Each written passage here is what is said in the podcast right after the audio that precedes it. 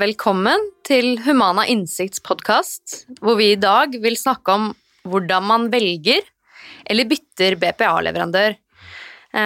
Og denne podkastepisoden er aktuell for alle som er interessert i BPA, enten fordi de allerede har BPA og vurderer å bytte, eller fordi de ønsker å søke om en BPA-ordning på vegne av seg selv eller noen andre. I tillegg så er selvfølgelig podkasten også aktuell for alle som jobber med BPA i kommunene. Um, og da tenker jeg vi går til dagens første gjest. Det er deg, Jon Torp. Du er direktør for BPA-avdelingen i Humana omsorg assistanse. Kan du fortelle litt om BPA-ordningen? Ja, det kan jeg. BPA betyr brukerstyrt personlig assistanse. Du får krøll på tunga, så du forkorter jo det vanligvis til BPA. Det handler i korthet om at funksjonshemma benytter assistenter til å utføre de tingene som funksjonsnedsettelsen eller samfunnsskapte barrierer eh, er til hinder for. Så det gjør funksjonshemma i stand til å i størst mulig grad leve et liv på lik linje med alle andre, og sjøl være ledere for assistentene sine. Og Eh, når du skal gjøre det, så er det jo kjekt eh, å benytte noen til å hjelpe deg med det, fordi BPA er et verktøy, selvfølgelig, et redskap til å leve livet sånn som andre. Og da behøver du noen til å vise deg hvordan det verktøyet fungerer. Eh, og til det så trenger du en BPA-leverandør. Og Humana er da en BPA-leverandør. Vi er én av mange leverandører i Norge. Og denne podkasten skal jo da handle om hvordan finner du den leverandøren som passer for deg. Kanskje Humana passer for deg, eller kanskje noen andre passer for deg. Så det er egentlig det vi skal snakke om i dag.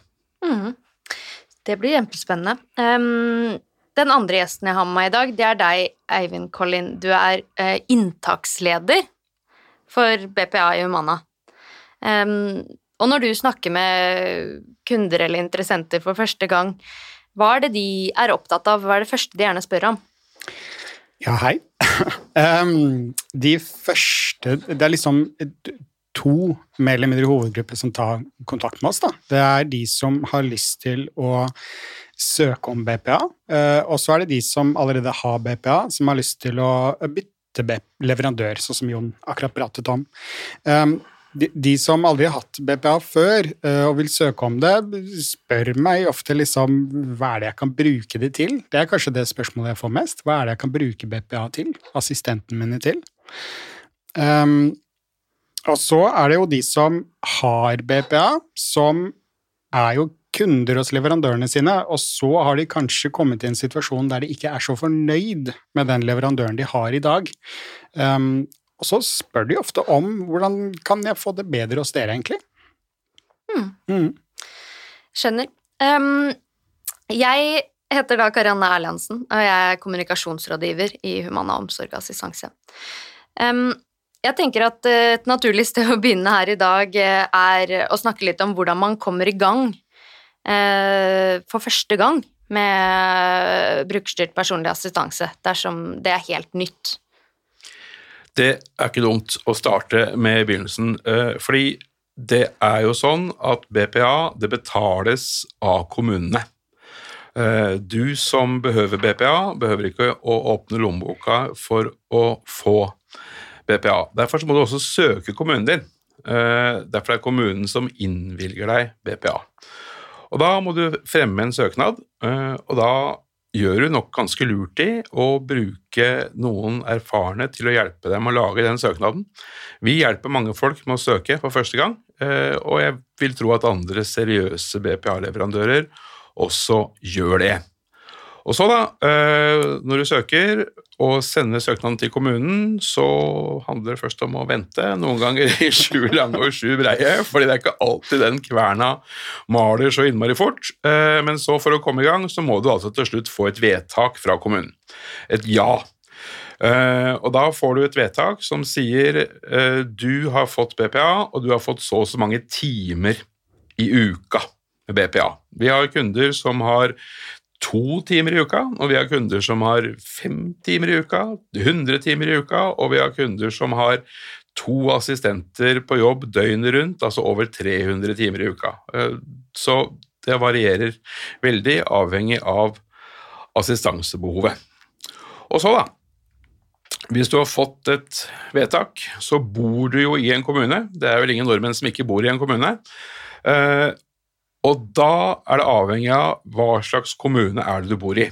Bor du i en kommune som tillater deg å velge mellom ulike BPA-leverandører, altså er det fritt brukervalg i din kommune, eller er det sånn at du er helt nødt til å bruke kommunen som tilrettelegger? Da har du valget mellom kommunen, pleier vi å si litt sånn flåsete. Eh, fordi hvis jeg skulle tippe, Eivind, hvor mange kommuner er det som tillater fritt brukervalg i dag? I Norge? Ja, nå spør du vanskelig. Um, jeg tror Hva kan man si, da? 100? ja, 110-120, kanskje. Ja, jeg kanskje. Tror det er ikke noe dumt tippa, det. Ja. Et eller annet i retning der. Det er ikke så mange som halvparten, Nei. men det nærmer seg halvparten av norske kommuner. Flere og flere, Ja, heldigvis. Nettopp. Så uh, hvis du da bor i en sånn kommune, så øh, må du finne ut hvilke leverandører kan jeg velge mellom i denne kommunen. Og så kommer vi da videre til egentlig hovedinnholdet i akkurat denne podkasten.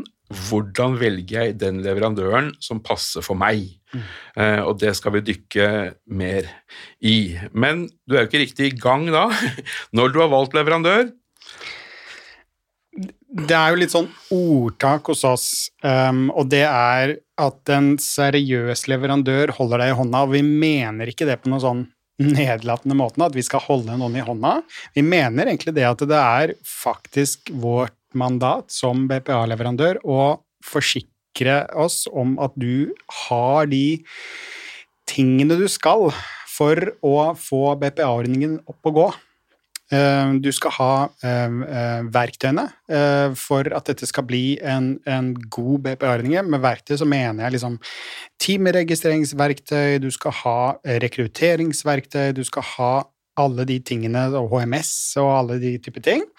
Og så skal du også ha en rådgiver eh, som, som hjelper deg Um, i, i gang, rett og slett, og holder deg i hånda uh, hele veien, rett og slett. Um, og eh, når du har liksom fått på plass den pakken når du har valgt leverandøren din, eh, og det er også en ting man må liksom tenke på, det er jo litt det Jon nevnte, at det, nå kommer den smørbrødlista vår nå snart om hva du skal se etter, men, men det er liksom sånn ting man må tenke seg til, da, at eh, hvis du er i kontakt med en leverandør som kanskje ikke viser til å holde deg så mye i hånda, hjelper deg ikke så mye, vi gjør ikke så mye for deg, um, så, så, så burde man kanskje vurdere en annen, rett og slett. Um, når man har fått det på plass, så skal man jo da uh, annonsere. Uh, man skal velge assistentene sine, uh, man skal intervjue dem, og man skal lære dem opp. Og, og, og vi har jo snakket om det uendelig mange ganger, Jon, at eh, det er jo det du pleier å si, at dette er dette toget. Um, Ja, jeg tenker at det, altså Kommer du til en BPA-leverandør for første gang, så bør du på en måte få en slags opplevelse at du kommer på et tog som begynner å rulle. Mm. Eh, fordi det er enkelte ting som må på plass. ikke sant? Du må få en annonse ut, du må få intervjuer ut eh, i gang, du må få valgt ut folka dine, og få ansatte masse, alle disse tinga. Det er liksom det toget jeg snakker om. Men det er altså viktig å si at når vi holder når en leverandør skal holde deg i hånda, eh, så er det jo å holde deg i hånda for at du skal bli en god arbeidsleder. Og da er det jo faktisk meninga, da, akkurat som med andre som du holder i hånda fordi de er usikre, så er det jo meninga at du skal slippe det taket etter ei stund, når de har blitt sikre. Det er jo det som er BPA-leverandørens mandat. ikke sant? Det å, å gjøre usikre og nye BPA-arbeidsledere til sikre og erfarne BPA-arbeidsledere over tid. Det er liksom det som er greia vår. Men når du skal finne en ny leverandør, eh, så er det en god del ting du må kikke etter. Eh, altså, jeg veit at noen tror at eh, vi, må, vi må velge den leverandøren med best lønn. Punktum. Bare vi finner den, så er vi i mål. Og det pleier jeg å sammenligne med å si at eh, ok, hvis du skal kjøpe deg en ny leilighet, og hvis du da leiter og leiter helt til du finner den billigste, er du liksom i mål da?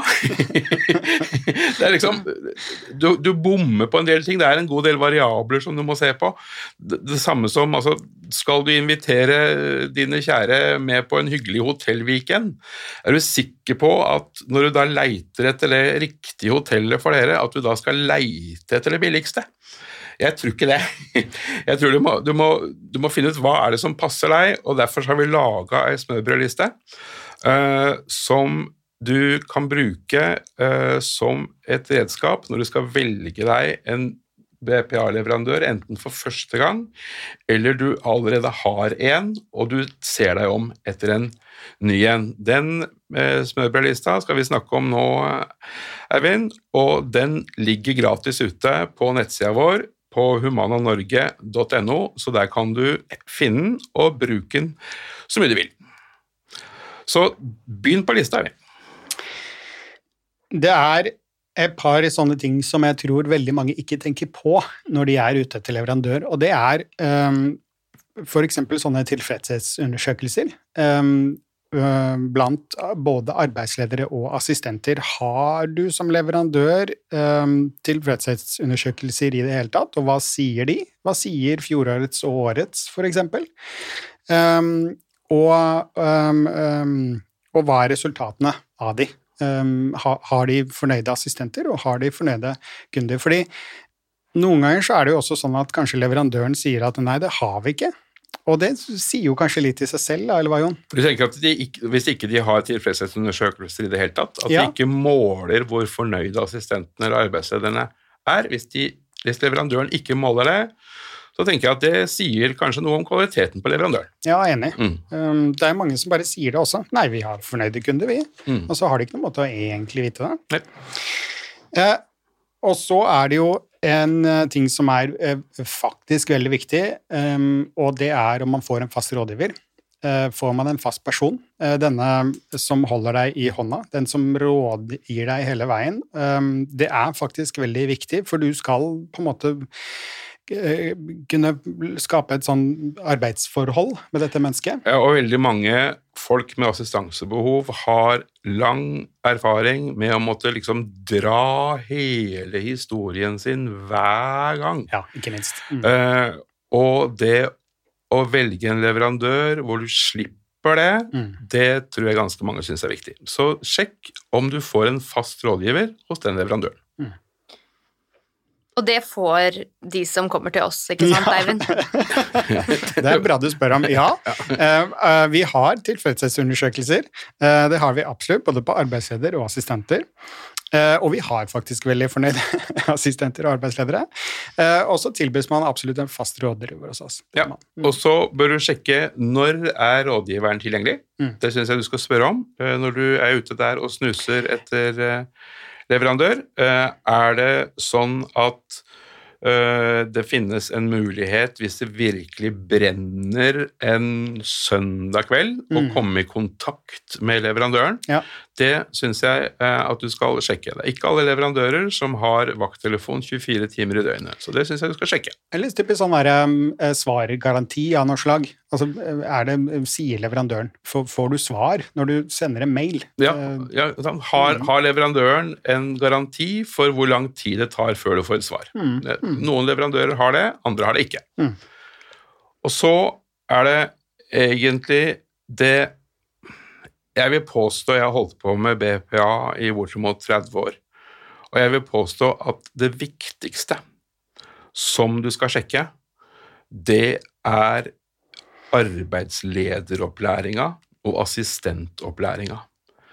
Det er det mange som i uerfarne BPA-arbeidsledere som syns høres ut som noe plunder og heft, eh, men det er faktisk det grunnlaget du skal stå på som BPA-arbeidsleder, så er det hvilken opplæring får du i å være en god arbeidsleder. Sjekk det grundig hos den leverandøren du snuser på. Hva slags kurs og opplæring er det de har, hvilket program er det, hvilken oppfølging er det, både for deg som skal være arbeidsleder, men også for assistenten som skal lære seg rollen. For det er sånn at leverandøren har øh, plikt til å drive opplæring av arbeidsledere, og opplæring av assistenter i rollen. Ikke i selve arbeidet, men i rollen. Kan ikke du si liksom tre ord da, om hva, hva som er viktig at de lærer av den arbeidslederopplæringen? Altså, de, store, de store overskriftene Altså det som Det som er på en måte litt sånn innlysende, er at du lærer deg jo da hvordan finner du den rette assistenten, hvordan gjennomfører du et godt jobbintervju, hvordan har du en god introduksjon så assistenten får, en, får det greit på jobben. ikke sant? Dette er sånn innlysende greier. også.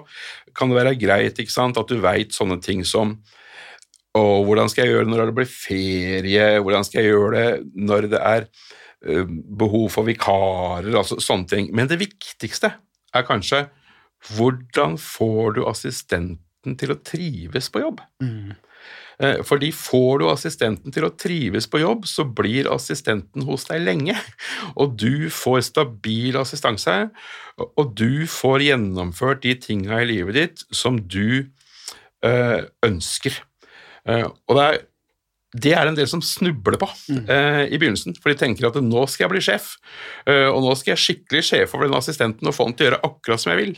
Eh, og så det ender det med at man glemmer at dette handler jo om å skape en god arbeidsplass som assistenten trives på. Mm. For hvis ikke assistenten trives, så går det til sjuende og sist utover meg. Og det er en god del som bruker litt tid på å få med seg. Så det er viktig, altså.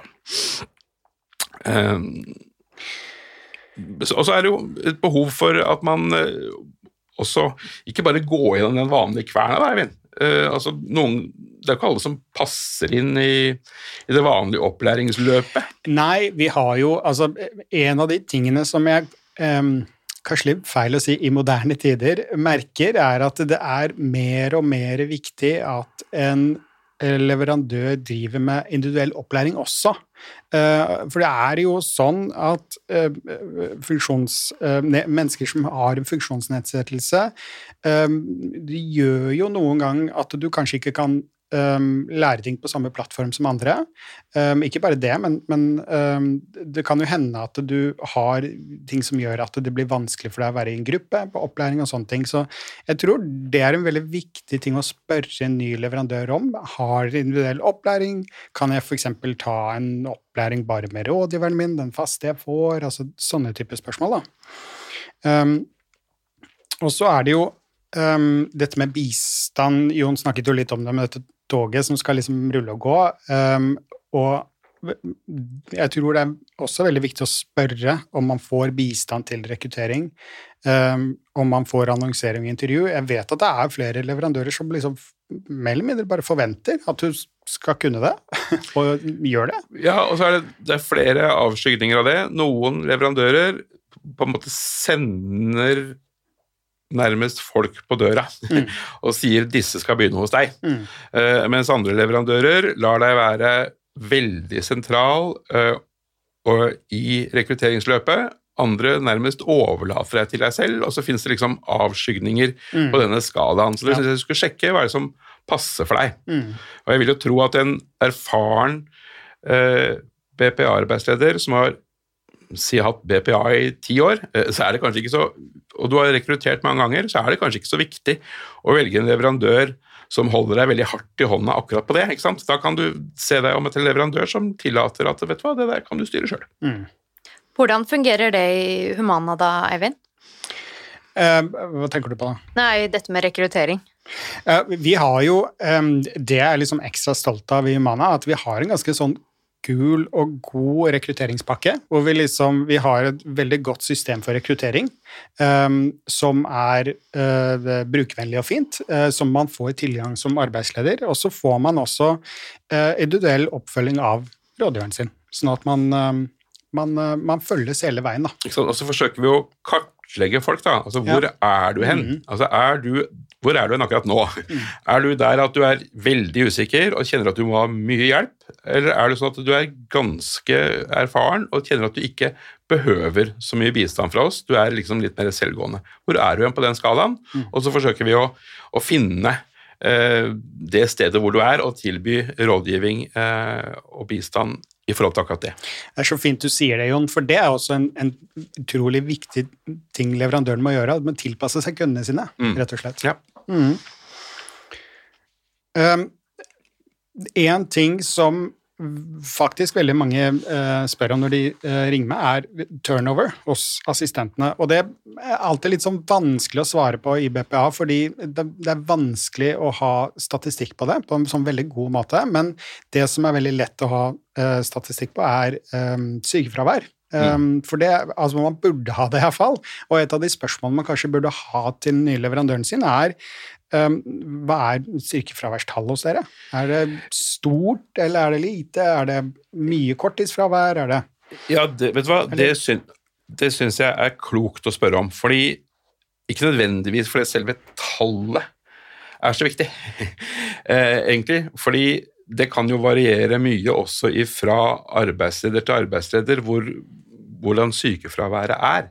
Men det svaret du får fra leverandøren, sier jo noen ting om hvor godt system de er. mm, akkurat? Eh, For hvis de svarer på en måte et eller annet litt sånn der vagt og litt wishy-washy, ja, så skjønner du, vet du hva, dette har de ikke ordentlig på stell. Nei. Eh, Og da veit du det. Eh, Så neste punkt på smørbrødlista våre var vi innom i stad. Har den leverandøren en garanti for hvor raskt du får svaret på en henvendelse? Eh, I Humana har vi en garanti for at du skal få en eh, svar på henvendelsen din senest neste virkedag. Eh, det kan være at andre leverandører har andre frister, så det syns jeg du skal sjekke. Og så eh, er det jo sånn at du eh, bør sjekke også kan jeg få hjelp med å skrive en søknad. Enten med å skrive en søknad for første gang, eller å skrive en søknad om flere timer når du ser at assistansebehovet ditt endrer seg. Har, hvilken kompetanse har leverandøren på det? eh, For å bistå deg med det. Eh, Fordi det er dessverre sånn at for å få gjennom en BPA-søknad, så kreves det faktisk ofte ganske god erfaring og ganske mye kunnskap om det. Dette driver du ganske mye med, det? Jo. Ja. Um, det er noe av det eneste jeg driver med, nesten. Ja. Um, så det er kjempeviktig. Det er utrolig. Altså, uh, både formuleringen Mm. og, og, og til og med det Man skulle ikke tro det, men bare det å referere til lover og regler. Mm. Uh, at man viser at dette kan jeg. Um, kjempeviktig. Mm.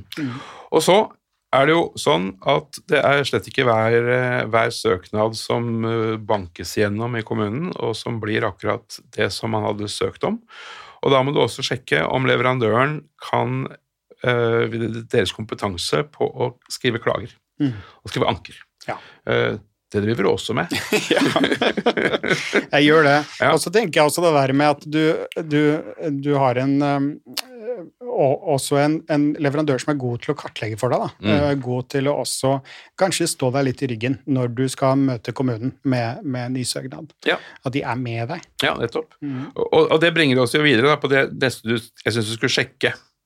Egentlig i den samme sveiva. Vi er liksom inne på det. Altså, det som er lurt, er jo å spørre om um, Altså, kan jeg få hjelp til juridiske spørsmål? Mm. Um, noen ganger så er det jo sånn at uh, leverandører har uh, eh, tilgang på sånne type ting, og da, eh, da burde man anvende det, for Mm. å si det sånn. Ja. ganger, og, men det er, ikke, det er ikke alle BPA-leverandører som har det, og da forventer man kanskje ikke at de skal ha en, en advokat på bok, men at de bruker organisasjoner og, og, og bruker ressursene rundt i samfunnet til kundene sine, tror jeg kanskje er mer viktig, da. Ja, og egentlig så er det jo Lovene i Norge er det jo egentlig ikke så veldig mye i veien med. Ikke reglene heller, men det er ofte håndheving av dem og hvordan de praktiseres, som vi ser en del uheldige utslag av. Eh, og en god del kommuner vet jeg reagerer ganske negativt på at vi som leverandører og andre leverandører bistår kunder med søknader, anker og klager. Mm. og det tenker jeg at det kan kommuner det får stå for deres regning, på en måte. Vi er jo ikke altså jeg pleier å si, vi er ikke opptatt av at folk skal få mest mulig assistanse. Vi er ikke opptatt av at de skal få flest mulig timer. Vi er ikke opptatt av at du skal få høyest mulig. men vi er opptatt av at du skal få riktigst mulig. Vi vil hjelpe våre folk til at de får et riktigst mulig BPA-vedtak. Og det er jo heller ikke sånn at det finner, jeg har i hvert fall ikke møtt noen på min vei som ønsker å ha en personlig assistent hos seg mer enn høyst nødvendig. Jeg liker at du alltid sier det, Jon, fordi det er litt sånn, det er ikke en sånn konvensjon et eller annet sted hvor BPA-brukere altså, eh, møtes, og så sitter de og skryter av hvor mange BPA-timer de har. Eh, eh, Fordi det er ikke sånn det fungerer. Man vil ikke ha mer timer enn det som er nødvendig. Nei, helt riktig. Helt riktig. Så det der med jussen uh, syns jeg du skulle sjekke. Eh, d- Jeg ville ikke satt det på høyprioritet-lista, eh, sånn som Jon snakket om i stad, men det som er lurt å spørre om, er eh, lønn og tillegg for assistentene, og det er, selvfølgelig en viktig sak. Eh, det burde ikke være viktigst det. Den der hele greia over kvalitet over kvantitet, men det er viktig å høre at leverandøren tar assistentjobben såpass seriøst at de legger til en respektabel eh, assistentlønn. Og, og um, um, lønn i assistentyrket er jo Altså, assistentyrket er jo ufaglært. Ja, det er det. Det er det. Altså, per definisjon så er alle, eh, altså, alle BPA-assistenter er per definisjon ufaglærte. Eh, også lønna er jo også deretter. Mm. Eh, og ikke, jeg har lyst til å si bitte litt om det, fordi det er ikke så underlig det at man altså Vi får av og til spørsmål om ja, men jeg er hjelpepleier, jeg er faglært hjelpepleier, jeg har gått på skole og jeg er sykepleier og sånn. Får jeg ikke mer da? Uh, og da pleier vi å svare et eller annet i retning av at ja, men den som har assistansebehovet, er kanskje et matvrak og ønsker at assistenten skal bistå med å lage mat, bør da en kokkeutdanna få bedre lønn? Eller hvis det er sånn at, at den som har assistansebehovet virkelig har grønne fingre, bør en med gartnerutdannelse da få bedre lønn? Altså, hvordan skal vi, vi, vi, vi gjøre dette her?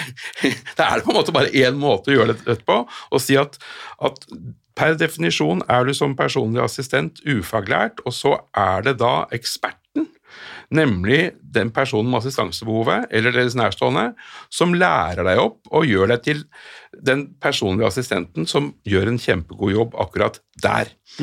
Eh, og jeg har vært med så lenge i dette gamet at jeg vet at når folk snuser på nye leverandører, så er det veldig ofte lønna som de snuser på, og tenker at hvis jeg bare finner finner leverandøren med den høyeste lønna, ja, da er jeg i mål. Og det er liksom noe av det som er hensikten med denne podkasten, tenker jeg, å si at vet du hva, det er som å skulle se etter en leilighet og leite etter den billigste, og kjøpe den og være fornøyd.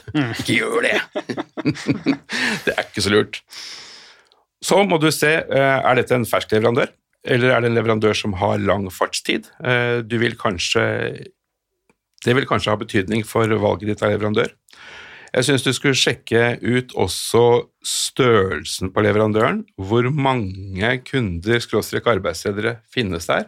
Er dette en liten leverandør, eller er dette en stor leverandør? Det syns jeg du skulle ta med deg i betraktningen din. Eh, og så uh, syns jeg du skulle sjekke hvordan eh, gjøres det med HMS. Hvis jeg skulle også sjekke. Ja, det er et godt poeng. Det er jo ikke noe vi skal gå så veldig inn i nå, men det er jo um, ikke veldig mange arbeidsledere som ser etter ny leverandør, eller nye arbeidsledere som tenker så mye på det. HMS er viktig. Um, det er en del av eh, arbeidsmiljøloven, og det må man få med seg en, på en arbeidsplass. Um, og så er det jo vikarløsning. Altså, hva sier eh, leverandøren din om vikarer, og, og hvordan løser det det, Um, er viktig. Um, og så er det også av refusjon av utgifter. Finnes det en driftskonto? Uh, assistentkasse, uh, som det ofte heter også. Uh, refunderer arbeidsgiver eh, eh, utgiftene til assistentene. Ja, altså Hvis assistenten for eksempel skal reise et sted eh, og må bla opp av egen lomme, kan få tilbake penger. Altså Hvilken løsning Mm.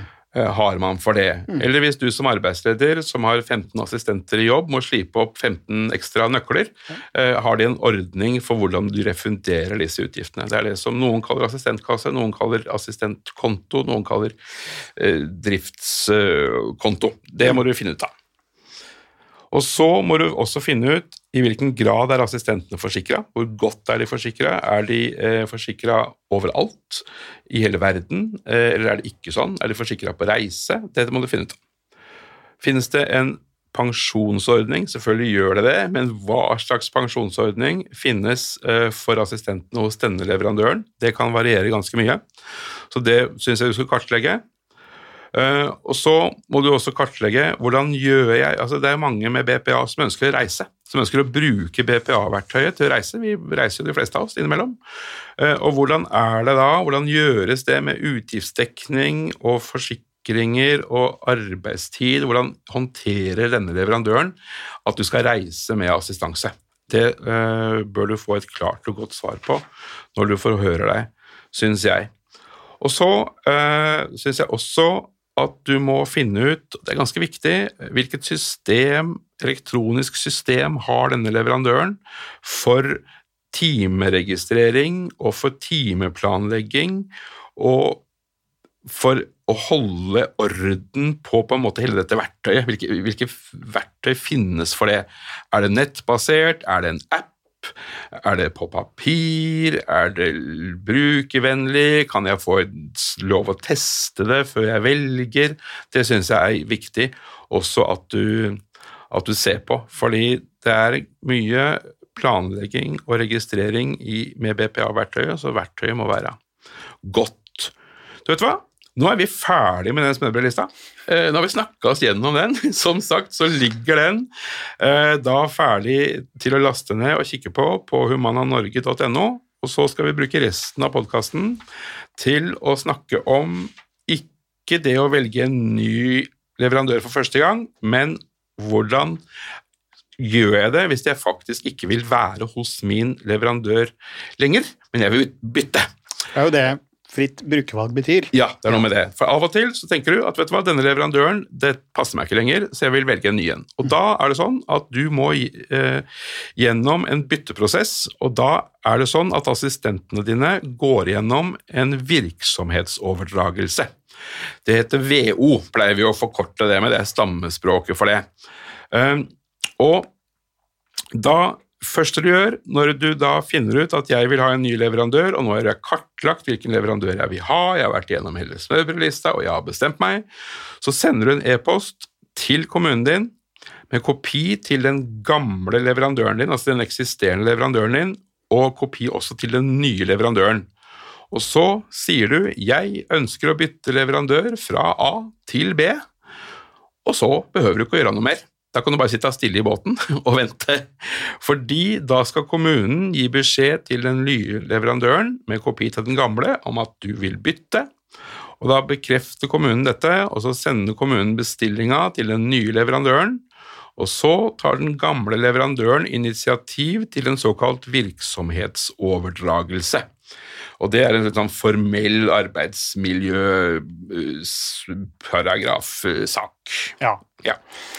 Det er et par ting å huske på med, i forhold til assistentene når man bytter leverandør. Det er en sånn par ting man må huske på, og det er at en virksomhetsoverdragelse gir ikke anledning til å sparke assistenter.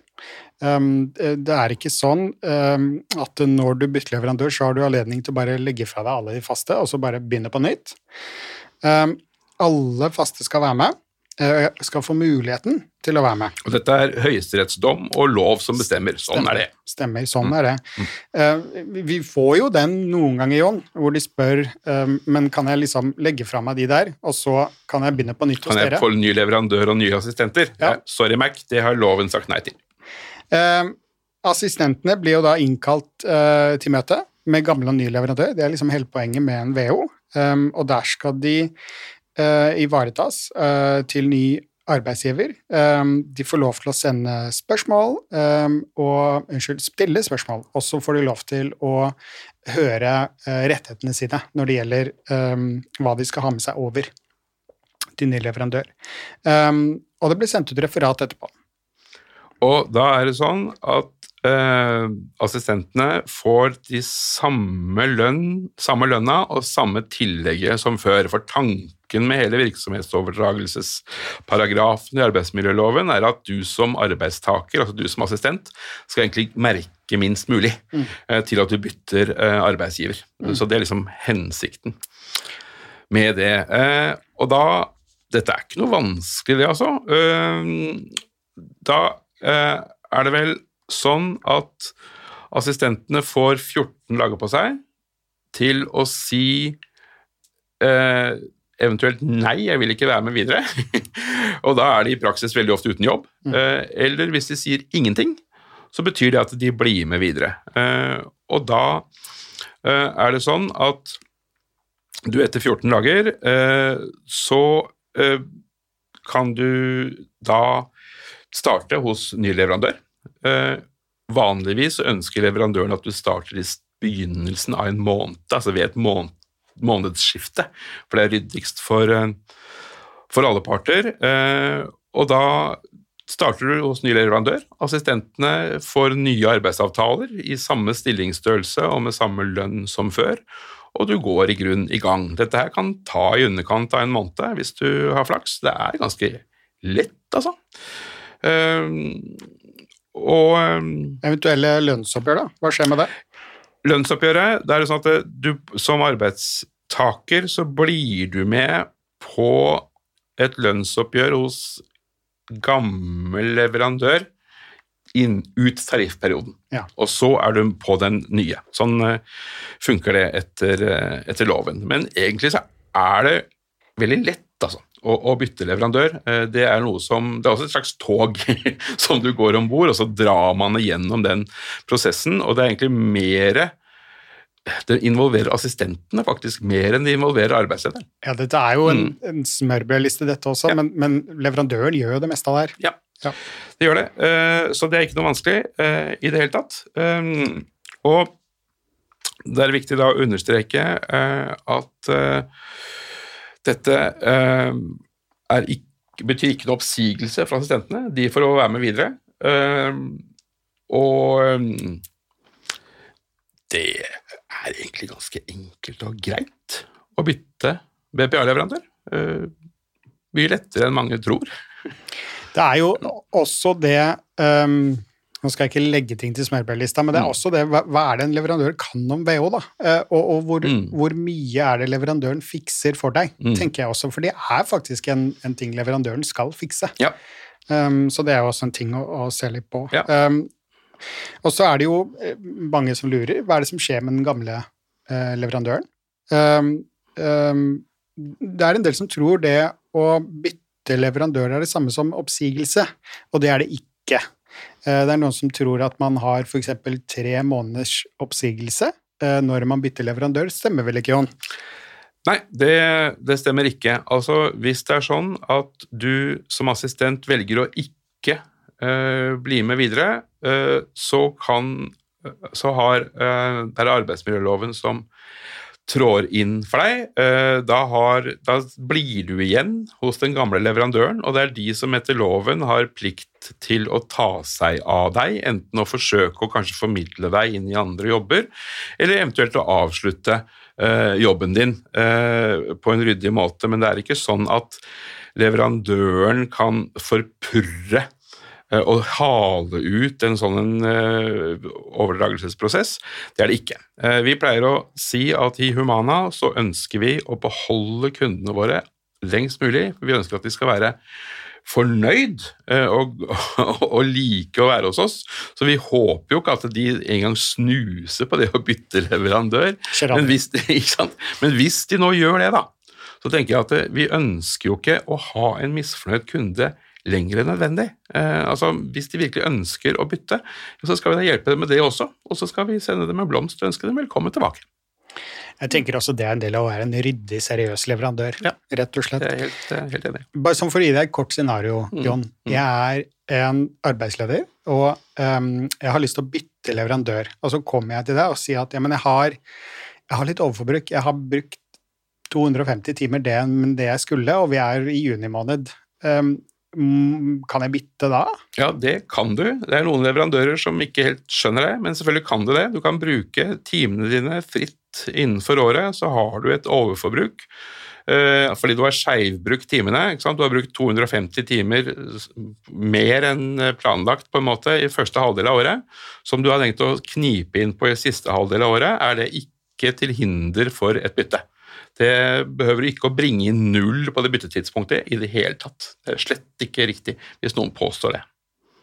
Bra. Jeg syns dette har vært veldig lærerikt. Eh, Så tusen takk for at dere har delt av deres eh, lange erfaring eh, når det kommer til brukerstyrt personlig assistanse. Um, Det kan jo være likevel at noen av lytterne sitter med spørsmål um, fortsatt. Og da kan de ta kontakt med deg, Eivind. Stemmer Ja. ikke det? Mm. Da finner man meg på eivind.kolin med CO2-l-er eh, at humananorge.no. Man finner oss på bpa at humananorge.no, og man finner oss på nettsidene våre på humananorge.no. man finner oss uh, overalt. Mhm. Nei, da får vi vel egentlig bare takke for oss og håpe at eh, du som har lyttet til denne episoden, har fått mye ut av det.